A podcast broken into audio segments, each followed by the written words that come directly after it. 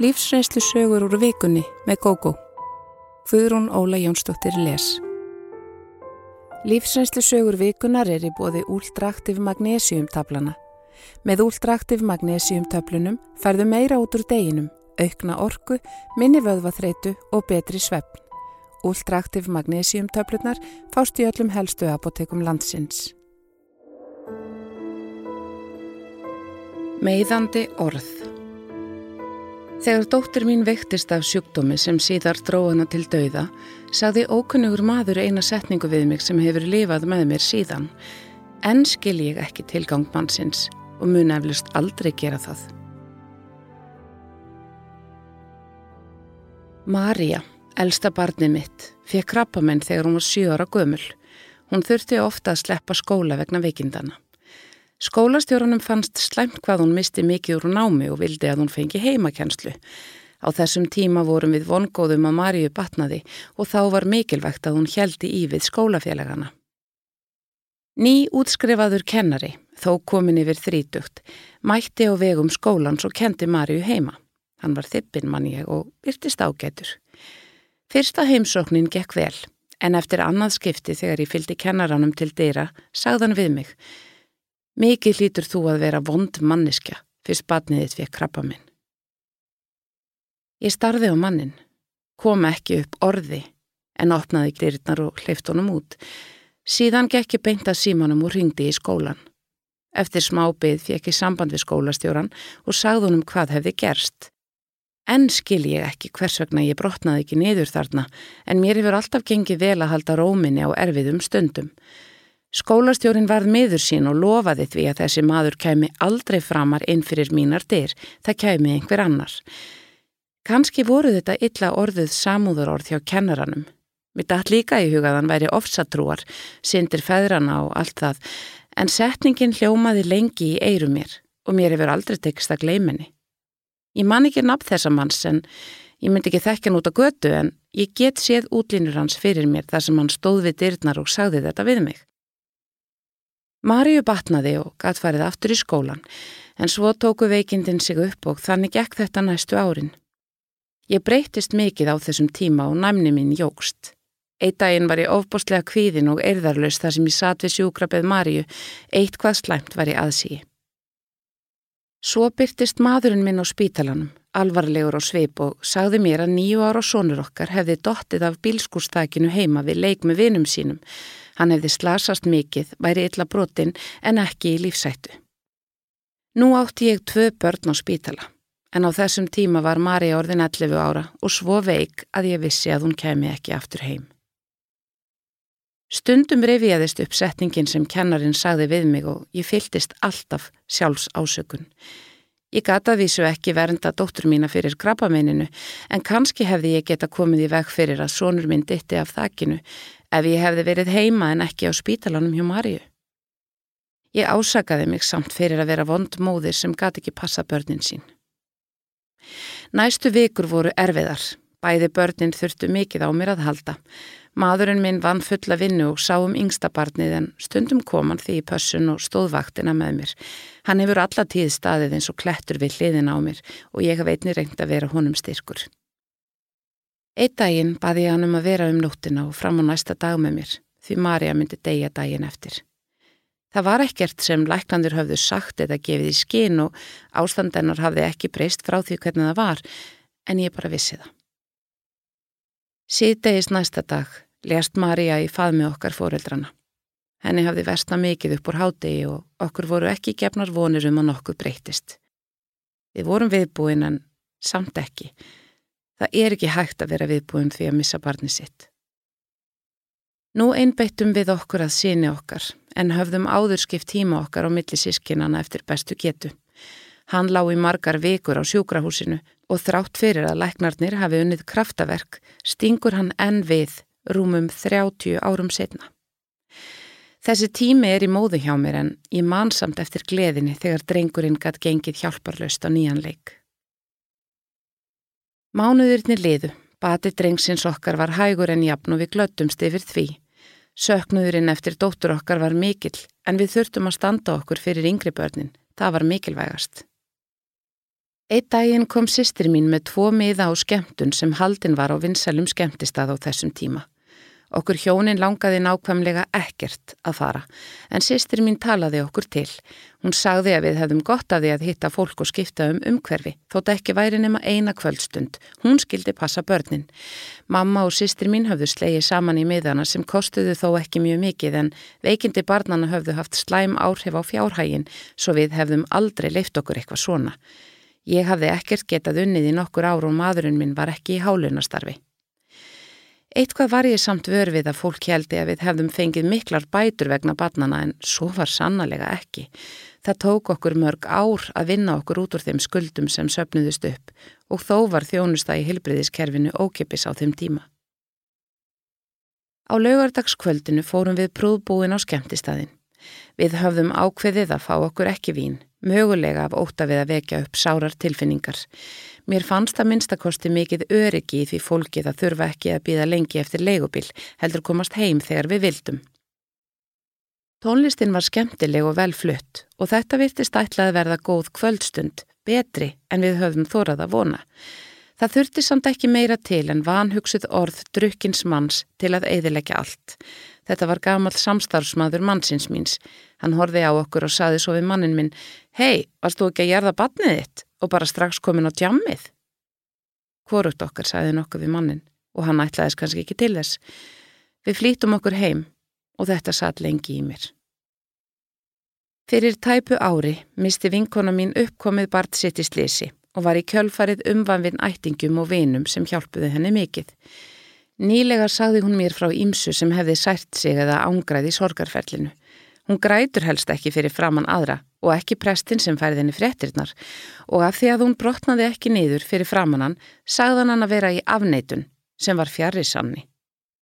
Indæl eldri kona sem vann hjá kirkjunni kvatti hanna eftir erfidrykkjuna með því að segja komdu til okkar hvena sem þú þarfst að tala og bætti við þetta á eftir að verða svo miklu, miklu verra hjá þér. Ekki upplýfgandi hverjórð fannst vinkonu minni. Hún gerði sér fulla grein fyrir því að þetta erði erfitt en þetta varð samt ekki verra, heldur öðruvísi, misjafnir dagar þar sem þeim góðu fjölgaði jamt og þjett. Þegar vinkona mín reyndi að gleðjast yfir því að halda óskertri einbeitingu, geta lesið, fylst með sjónvarpi og slíkt, öfugt við það sem búið var að segjini, fekk hún að heyra að svona væri þetta bara rétt fyrst og tengdist áfallinu. Það reyndist líka vera ránt. Fólk er svo ólíkt, það er engin uppskriftað sorg. Vinkona mín sagði reyndar að þetta hefði gert sér gott að því leiti að hún gæti nöldrað yfir þessu og fengið þannig útrás. Það sem kannski satt lengst í henni og gerði hana óörygga um tíma var að þegar ættingi hennar var spurður um líðan hennar nokkru mánuðum eftir missin og sagði að allt gengi vel, þá sagði viðkomandi að sorgin ætti bara eftir að hellast yfir hann að setna fullum krafti. Því líkt drama. Það eru greinilega til margi sjálfskeipaði sérfræðingar um sorgina, meina kannski vel, en geta gert skada. Margir vita vissulega ekki hvernig þeir eiga að koma fram við sirkjendur og segja jafnvel eitthvað klauvalegt. Stundum léttir slíkt bara andrumslaftið. Ég man eftir að hafa lesið um ekkju sem var óskað hjartanlega til hamingju í erfitrykju mannsennar. Hún fór afsýðis og skelliló. Hm, þetta bjargaði deginum. Áratugir eru liðni síðan stelpan mín dó og ég er hægt að finna fyrir sásöka og samviskubiti þegar orð kennarans koma upp í hugan. Ég hef unnið mikið í sjálfur mér og finnst ég loks verið að komast á þann stað sem ég vil vera á. Börnin mín eru öll mikið sómafólk og hafa gert mig af margfældri ömmu. Við hjónin erum samstiga og ástinn hefur ekkert mingað. Líf mitt er gott og margt að gleyðjast yfir en mér finnst ég verða að koma þessari sögu frá mér þótt ekki sínum að til þess að reyna að veika skilning á því hversu mikil áhrif orð geta haft. Stundum er betra að segja minna, faðma frekar og styrkja með nærveru. Neið konunar gekk mér að hjarta. Fyrir nokkru var ég á leið heim frá sólarströndi í íslenskri flugvél. Skindilega heyrðist rött flugfreyjunar í kallkerfinu og hún spurði hvort læknis væri um borð. Hjón gáði sig fram og fljótlega var okkur öllum ljóst að í velinni var kona haldinn ofsa hræðslu í alvarlegu kvíðakasti. Hún er greint með Alzheimer á byrjunastígi og var þarna ein á ferð og misti skindilega allt veruleika skinn og vissi ekki hvar hún var stött. Ég hafði verið í ferð með stórum hópi og við notið okkar til fulls í sólinni. Um var að ræða fólk sem í mörg ár hafði starfað saman að skemmtilegu áhugamáli og þessa ferð fórum við til að verðluna okkur fyrir góðan árangur. Í fljóðvelinni var því mikið skrafað og skeggrætt og þess vegna farið fram hjá okkur hvernig ótti konunar magnaðist eftir því sem leið á flögið. Við vorum hins vegar öll strax tilbúin að gera það sem við gátum til að hjálpa til. Ég frétti síðar að konan hafi verið í fríi með vinkonum sínum á spáni en hvers vegna þær sendu hana eina heim veit ég ekki. Hins vegar fann ég til djúbrar samúðar með konunni því ég þekki sjúkdóminn sem hún er haldinn. Síðustu sex árin sem maðurinn minn lifði misti hann smátt og smátt tökin á lífinu. Hann var mikill aðtapnamaður, sjálfstæður og félagslindur en sjúkdómurinn rændi hann þessum eiginleikum. Undir það síðasta þorði hann ekki út og fór helst ekki í matarbót til barnana okkar, svo óurugur var hann orðin.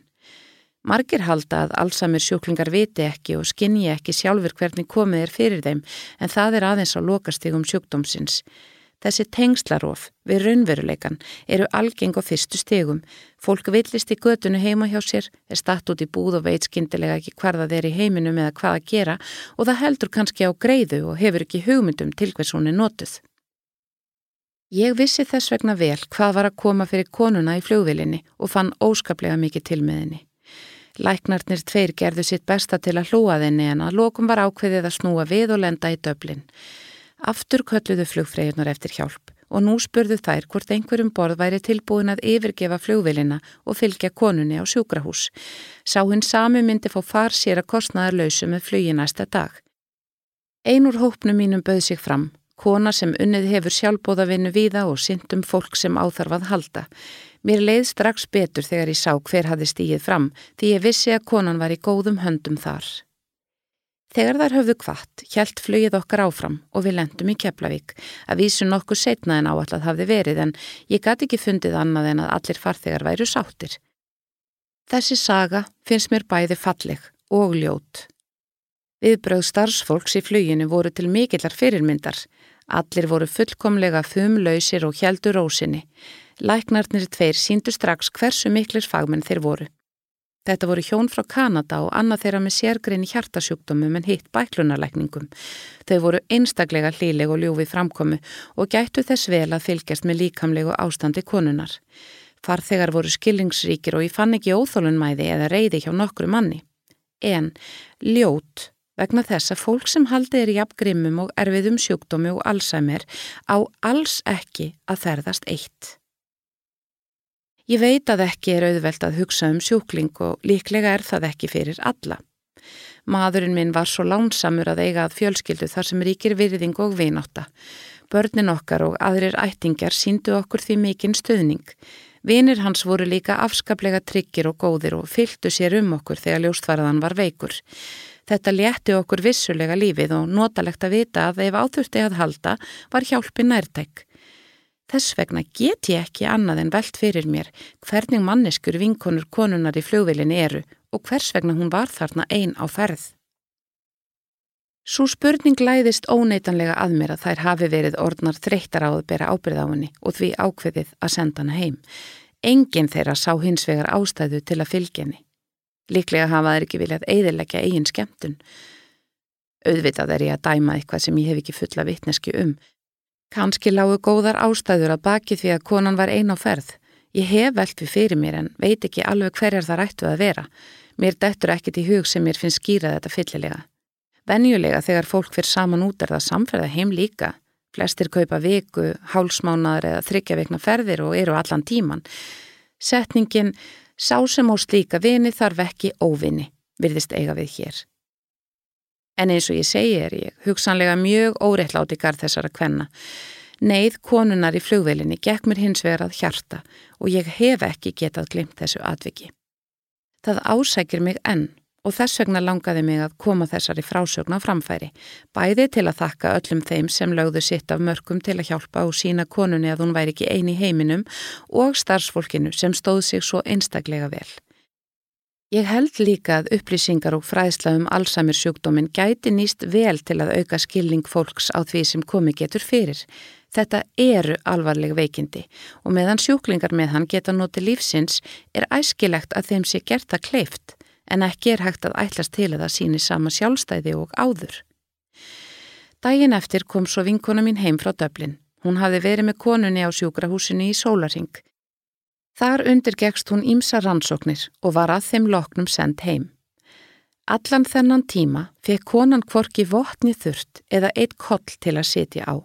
Vinkona mín satt stóran hluta tímans frammi á gangi og gætt fengið sér að borða úr sjálfsala en sjúklingnum var fært eitt vasklas.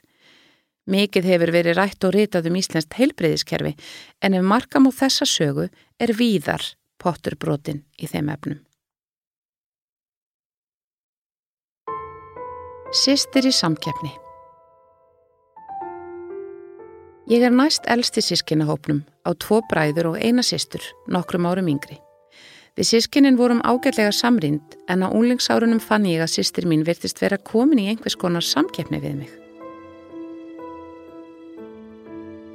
Vera sýstir þóldi ekki að ég fengið að fara út á kvöldin en hún ekki.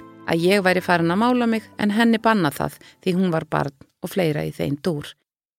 Ég man þó eftir að hafa farið í bíó með vinkonu mínum og verið neitt til af mömmu að taka veru með, þá bara 12 ára, þrátt fyrir að myndin væri bönnuðinnan 16. Vera hafi grátið í klukkutíma og mamma gefist upp á endanum. Hún var þó frekar ströng við okkur og leiði veru yfirleitt ekki að komast upp með neina vittlisu. Það gladdi mig þegar Vera valdi sér sömu námskarinn og ég í háskóla og örfáum árum eftir útskrift hafði hún unnið sig upp í yfirmannstöðu. Ég var reikin af henn og sagðinni það en hún hló og sagðist vera vissum að ég væri að farast úr öfunnsíki. Hún setti þetta fram eins og grín og við hlóum báðar. Við sístur giftum okkur með ársmillibili og eigum tvö börn hvor. Hjónaband mitt varði í tólf ár en þá fór maðurinn minn frá mér fyrir aðra konu. Það var eins og vera hlakkaði yfir því, þótt hún segði það ekki beint út. Hún hefur alltaf notað óbein skilaboð og ef ég reynið að spyrja hvað hún meini verður hún annarkvort reyð eða þykist ekkert skilja. Ef ég keipti eitthvað fallegt til heimilisins hér áður fyrr brást ekki að vera keipti eitthvað sem var enn fítna á dýrara. Þótt heimili okkar væri ólík, ég meira fyrir þægindi en útlitt, fann ég alltaf þörf hennar fyrir samanbörðið mig og heimili hennar hafði svo sannlega vinningin. Ég var ánað með mitt svo samkeppnin var alveg einhliða. Eitt sinn buðu vera og maður hennar mér að koma með í sömarbústaði viku. Börnin okkar voru þá orðin uppkomin og fluttað heiman og ég bjó í ágætri íbúði næstu götu við mömmu.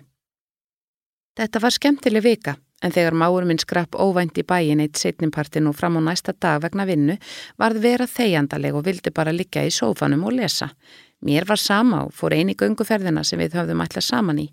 Ég hitaði síðan upp afganga hand okkur og kvöldi var rólegt.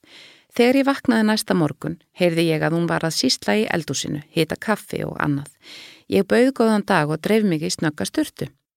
Þegar ég kom fram satt hún við borðið með kaffibotla og ristabrauð og var að lesa. Hún hafi búið til kaffi, fengið sér, skóla könnuna og slögt á henni, ásamt því að ganga vandlega frá brauði og áleikin í ískáp, þótt hún vissi vel að örstutt væri ég að ég kemi fram. Það átti aldeilis ekki að stjana við stóru sýstur.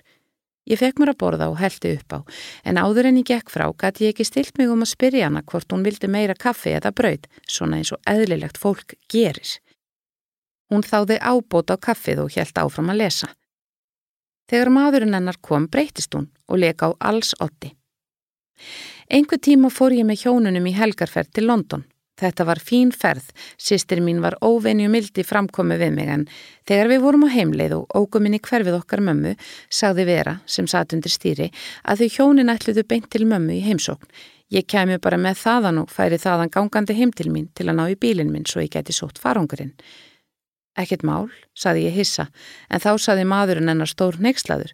Auðvitað keirum við hana heim með töskurnar og förum svo í heimsók til mömmuðinnar. Hvaða vittlisa er þetta? Vera herpti saman varirnar og þagði og óg sem leiði lág heim til mín. Hún kvatti varla. Nokkru eftir lát mömmu flutti ég út á land. Ég eldi ástina má segja, en maðurinn reyndist annar en hann virtist fyrst, svo sambandi stóð ekki lengi. Þá var ég orðin yfir mig hrifin af þessum bæ, fólkinu þar og vinnustæðnum, svo ég fann mér góða íbúðar og leigu. Annað slægi skrappi til Reykjavíkur yfir helgi og í eitt skipti baði ég um gistingu hjá veru sýstur sem þá bjó í Vesturbænum í göngufæri við miðbæin.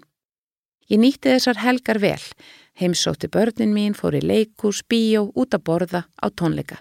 Vinkonum ég sagði eitt sinna ég gerði meira á einni helgi en hún á mörgum mánuðum. Sistri mín er gestri sinn en ég naut ekki sama viðmóts og aðrir gestir hennar. Þetta skipti sem ég gisti hjá henni hafði ég verið á síðustu stundu.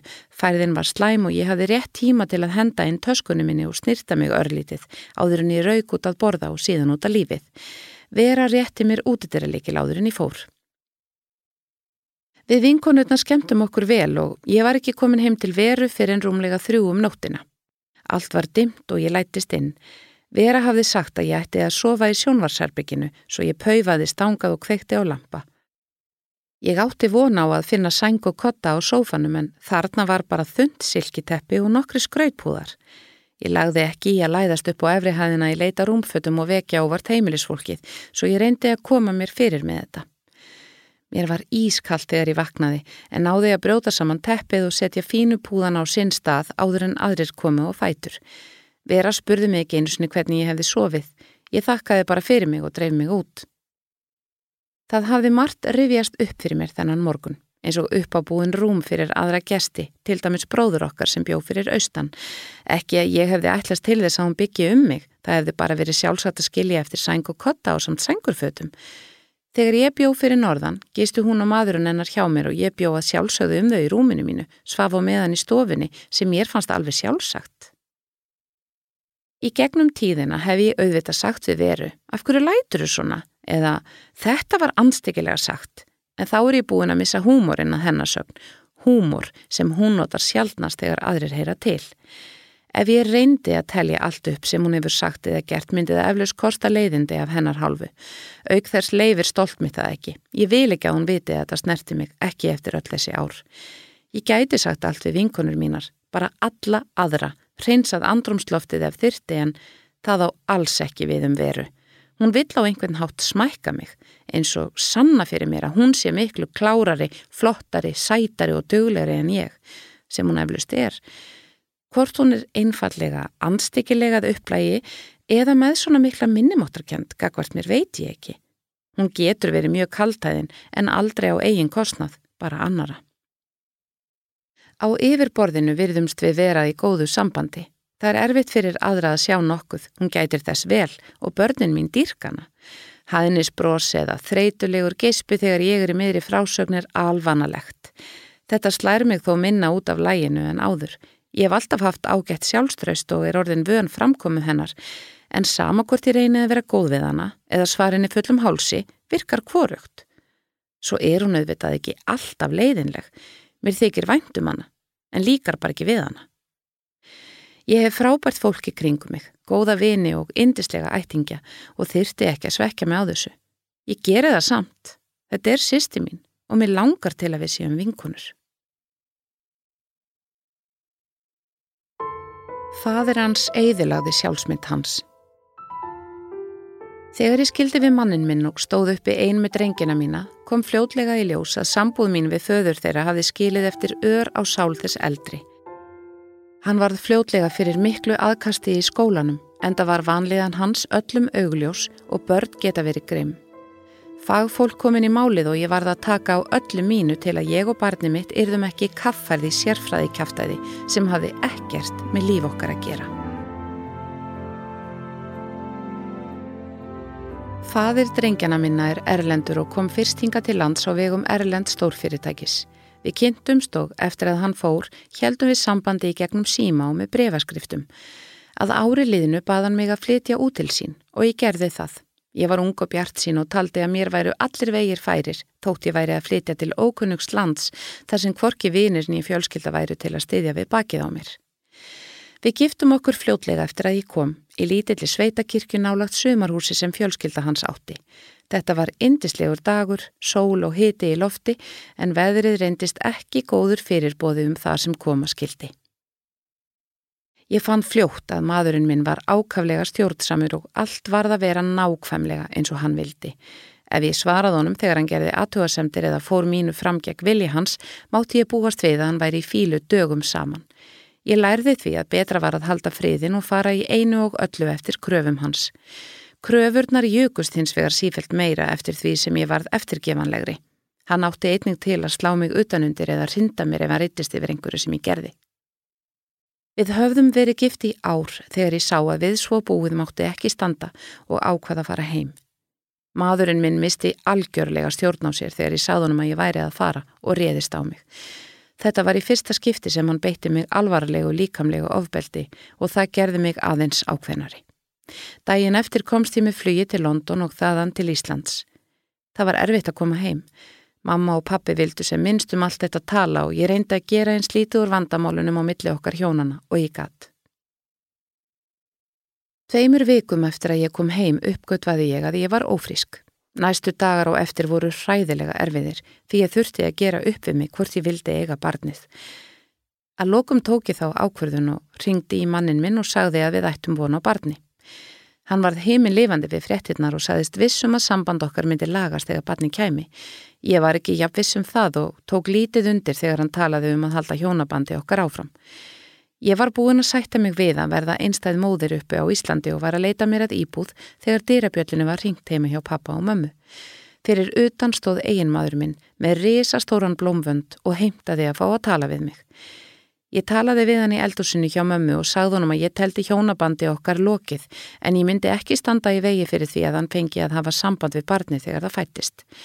Hann grét og bað og lofaði bót og betrun en ég var alveg ákveðin.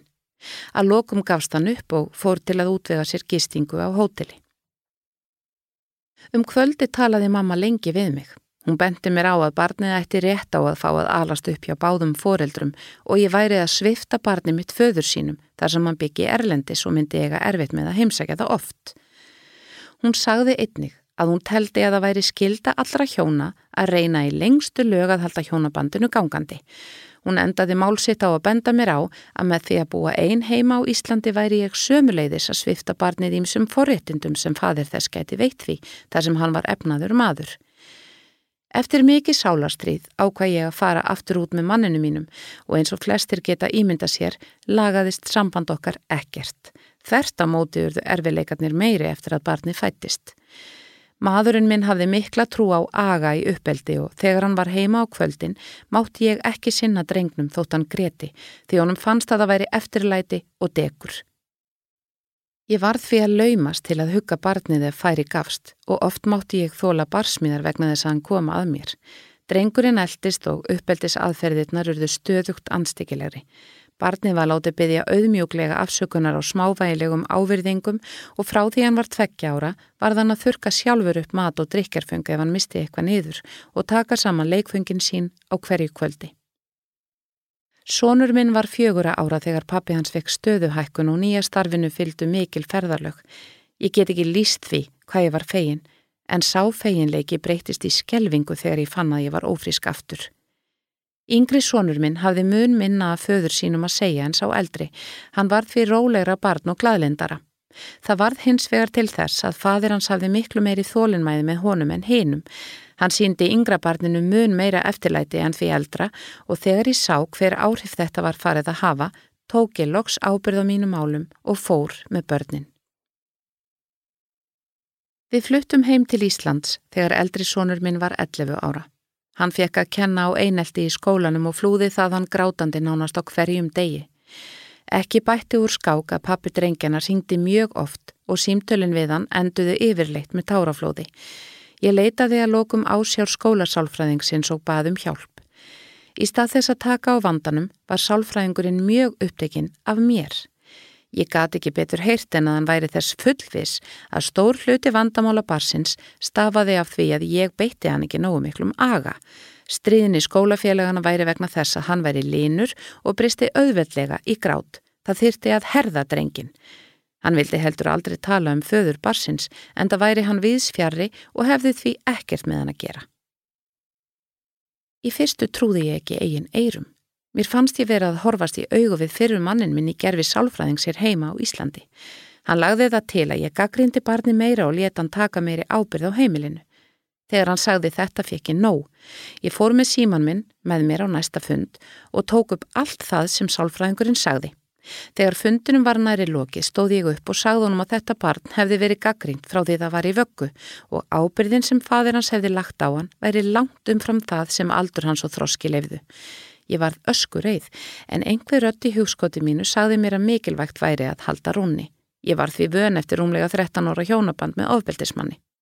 Ég bendi þessu manni á að ef hann gæti ekki tekið á málum sonar míns af hlutleysi, hlýju og fagmennsku myndi ég leita annað og jafnframt að ég myndi ekki hika við að segja frá því sem hefði farið okkar á milli. Ég tók síðan síman upp og síndi honum upptökuna. Eftir þetta breytist allt viðmút til sonar míns í skólanum og ég fann að fagfólki lagði sig betur fram um að skilja hann. Ég leitaði samt sem áður til sálfræðingsutan skólans og drengurinn gekk til hans í rúm tvö ár. Vegna þess hver ólík lög gilda í heimalandi föður hans gæti krafist þess að pappi hans greiti þá meðferð. Hefði ég verið gift íslensku manni hefði það ekki verið hægt. Um þessar myndir er sónur minn allur annar. Hann er sjálfstæður, duglegur ungur maður með skemmtilega kymnigáfu og á marga vini. Ég finn þó ennað sjálfsmynd hans er veik og oft þegar áreinir missir hann trú á sjálfan sig. Hann hefur meðal annars lengi þráð að taka þátt í félagsstarfi en þorir ekki að standa upp og tjá skoðanir sínar. Nýverið ákvaðan að fara á námskeið þar sem slíkt er kent en þegar fyrsti tímin rann upp ætlaði hann ekki að þóra að fara. Mér tókst að telja í hann kjark og ég kerði hann á staðin. Ég veit að í þessum fyrsta tíma steg hann yfir mikilvægan þröskuld og vonandi á hann eftir að komast enn lengra. Konan á móti Fyrir nokkrum árum bjó ég í sama fjölbílisúsi og konan okkur sem hafði átt sérstakt og erfitt líf sem hafði sett mark sitt á hana. Í fyrstu var hún indæl en það breytist þegar hún fann að ég vildi ekki jafn mikið samband hafa og hún. Ég var öryrki eftir erfið veikindi og bjó ein með tveimur dætrum mínum sem voruð að nálgast úlingsaldurinn. Egin maðurinn minn hafði gefist upp á veikindabaslinu og skilið við mig. Við höfðum spennt bógan heldur hátt. Kiftum raðhúr sem við hefðum ráði við ef ég hefði ekki veikst en ekkert mátti út af bregða. Mér var ráðlagt að sækja um félagslega íbúð og gerði það þótt mér finnist tilugsunin erfið en það ætla sér engin að verða veikur og ég þurfti á aðstóða halda. Ég reyði valla við að borga leiguna af íbúð sem var bæði dýr og auk þess allt of lítil fyrir okkur maðgur. Ég tikkaði í öll bóksinn þegar ég sóttu um félagslega íbúð og þurfti því ekki að býða árum saman eftir henni en nógu lengi samt. Ég fekk útlutað fjögur að herbergja íbúð á efstu hæði snirtilegri lítilli blokk. Íbúðin á móti var líka félagsleg en ekki hinnar í húsinu. Loks fengu dæturna sér herbergi og ég þurfti ekki lengur að sofa í stofunni. Grannar mínir á neðri hæðunum virtust svo liti tortrygnir gagvart mér í fyrstu en það stóð ekki lengi. Ég skildi það betur eftir að ég kynntist konunni sem bjó á sömu hæð og ég, henni fríðu. Hún virtist mjög indæl en var vist ansist nögg að fá aðra upp á móti sér, heyrði ég. En ég hafði litlar áhyggjur. Mér hefur alltaf sami vel við alls konar fólk. Fríða var yðurlega með sjónvarpið hátt stilt á daginn. Hún horfi bara á ómeikastöðina og vildi líklega ekki missa af einu orði, þótt hún værin í eldúsi þar sem hún varði deginum eins og ég komst að raunum þegar ég kynntist henni. Stofurnar okkar lágu saman og hún var með sjónvarpið við veggin sem lág á stofunu minni svo ég heyrði orða skill. Lætin heyrðust stundum fram á gang og íbúin beint fyrir neðanana hafði kvarta nokkrum sinnum. Þetta pyrraði mig lítið og svo er ég lítið fyrir að kvarta yfir einhverju smáræði. Skömmu eftir að ég flutti, bankaði fríða hjá mér. Fram að því hafðum við heilsast vingarlega fram á stegagangi og spjallasmáiðis. Ég bauði henni inn og við töluðum saman í nokkra stund. Hún sagði meðal annars að við ættum að halda saman þar sem við værum þær einu í húsinu sem byggjum í félagslegri íbúð. Ég kváði henn, þá fór Fríða að segja mér frá ömurlegri framkomu annara í húsinu í sinn garð svo jáðraði við einelti. Það væru fordómar í hennar garð því hún bjó í félagslegri íbúð. Hún fengi ekki einu sinni að horfa á sjónvarpiði friði á daginn eða geima skóna sína í snirtilegri röð frammi þar sem enginn sæði á nema hún og núna ég. Svona hjælt hún áfram en hún var samt orðheppin og skemmtilega inn á milli. Eftir að hún fór fann ég að ég var orðin orkuleus af allrið þessari neikvæðni en ég hafði samt mikla samúð með henni. Þó átti ég eftir að heyra sögu hennar. Ekki leið og löngu þar til Fríða bankaði aftur hjá mér. Þá vildi hún bjóða mér yfir til sín í kaffi. Íbúðin hennar var speilmynd af minni og smekklega búin. Stórt sjónvar pjekk á veggi stofinni og erlendur pretikari sópaði þar Guðs orð, ekki á hæsta að þessu sinni. Fríða horfi spennt og spyrjandi á mig en ég þóttist ekki taka eftir því, mér langaði ekki að ræða trúmál við hana. Ég rósaði íbúðinu og settist með henni í eldús þar sem nýböku súkulæði kaka beð okkar.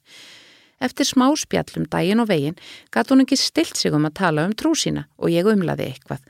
Þótt hún segði það ekki berum orðum átti skilja að fólk sem trúði á réttan hátt væri mun betra en annað. Svo mikið skildi ég.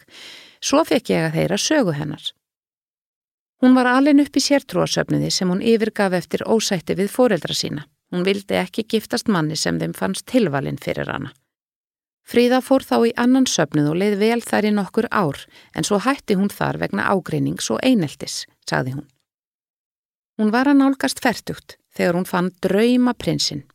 Það var í enn öðrum söpnuði sem ég hafði aldrei hirt minnst á. Hún var hrifin af manninum svo hún let undan þrýstingi frá sapnaðarformanninum að giftast.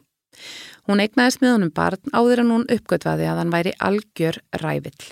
Hún hafði lendi í alvarlegu bílslisi og fatlast ári áður og fekk ekki slísabæturnar fyrir en eftir að þau giftu sig. Þegar maðurinn var búin að eigða bótunum hennar, leta hann sig hverfa og hún stóð uppi, slipp og snauð, ónýtt á sál og líkama eins og hún orðaði það. Fóreldrar hennar og sískinni sem hafðu tekið hana í sátt þegar hún giftist, tóku afstöðu með manninum, þóttu vissu alla málavöxtu og hafðu ekki tala við hana síðan hún skildi. Fríða sagði ekki allslæmt að hafa mist heilsuna við slísið því henni leiði aldrei vel úti á vinnumarkanum, sagði hún, og var íðulega lögð í eineldi. Það þurfti nú engan sérfræðing til að átta sig á að Fríða misnotaði orðið eineldi eða skildi ekki hvað það þýtti. Ef einhver var ekki á sama máli og hún eða tók ekki nógu vingjarlega undir hverju hennar, jáfnvel strítenni góðlátlega, var það eineldi. Fríða saði mér margar sögur af einelti sem hún hafði orðið fyrir, bæði í skóla og vinnu og vissulega líktaði eitt hvað af einelti en alls ekki allt. Sjálf gatt Fríða verið mjög kvikindisleg og stuðandi en hún kallaði það hreinskilni. Það var eins og henni fyndist allt í lægi þar sem lífið hafi farið svona illa með hana að segja hvað sem væri við aðra. En vissulega hafði lífinar verið erfitt á köplum.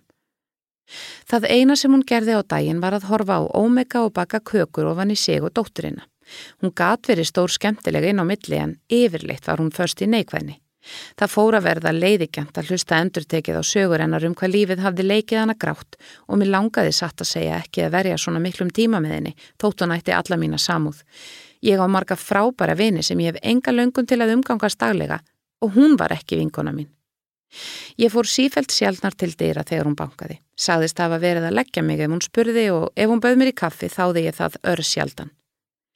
Innan skams áttaði hún sig. Ég hafði fundið að henni fannst að mikil samskipti væri táknum vináttu, annað væri fjandskapur, annarkvort væri maður vinur hennar eða óvinnur. Það var engin millivegur og það þýtti lítið fyrir mig að reyna að ræða þetta við hana. Að vinkona hennar væri kannski bara svona upptökin af nýjamanninum, vanrækti vinkonuðan á meðan, það væri eðlilegt. Fríða var kuldalegi fasi og hætti að bjóða mér í kaffi. Fyrst ég vildi ekki láta gleipa mig að ég líti gert. Eitt daginn, tæpu hálfu ári eftir að ég flutti í húsið, bankaði ég hjá henni. Háaðin í sjónvarpinu hennar var að drepa mig. Ég var með höfuðverk og alveg ósofin eftir erfiða nótt. Ég var svo mikill klöyfi að ég baða hana um að lækka í ómega. Af hverju segiru ómega? spurði hún, greinilega sár. Hvað hefur á móti trúuðu fólki? Ég held að þú værir ekki svona. Þetta er eineldi. Ég starði á hana. Það heyrist svo vel á milli íbúðana okkar að það fer ekki á milli mála á hvað þú horfir. Aldrei, svaraði ég ákveðin. Þetta er ekki eineldi fríða. Þú veist greinilega ekki hvað eineldi er. Þú ert alltaf með þessa stöð á. En samt rétt hjá þér, ég hefði ótt að byggja þig um að lækka í sjónvarpinu, óþarfi að tiltaka stöðina. Hún fór inn, skellti hurðinni og lækkaði í sjónvarpinu. En hún gæti ekki fyrirgefið mér og leið sem hún sæði mig ekki þótt ég beði alltaf vingjallega góðan dag. Ég hefði alveg verið til í að vera kunningjakoninnar, drekka kaffi með einn annars lægið og spjalla, en hún vildi svo miklu meira en það. Nú skil ég af hverju hún á enga vini. Ég fekk margar sögur hjá henni að fyrirverandi vinum sem allir höfðu sveikið hana og nú var ég komin í þann hóp. Ári setna flutti Fríða út án þess að hveðja kong eða prest. Ástæðan? Einelti af hendi okkar íbúana í stegaganginum. Þú varst að hlusta á lífsreynslusögur úr vikunni með GóGó í lestri Guðrúnar Óli Jónsdóttur og framleiðslu Storysight árið 2020. Höfundaréttur Vikam.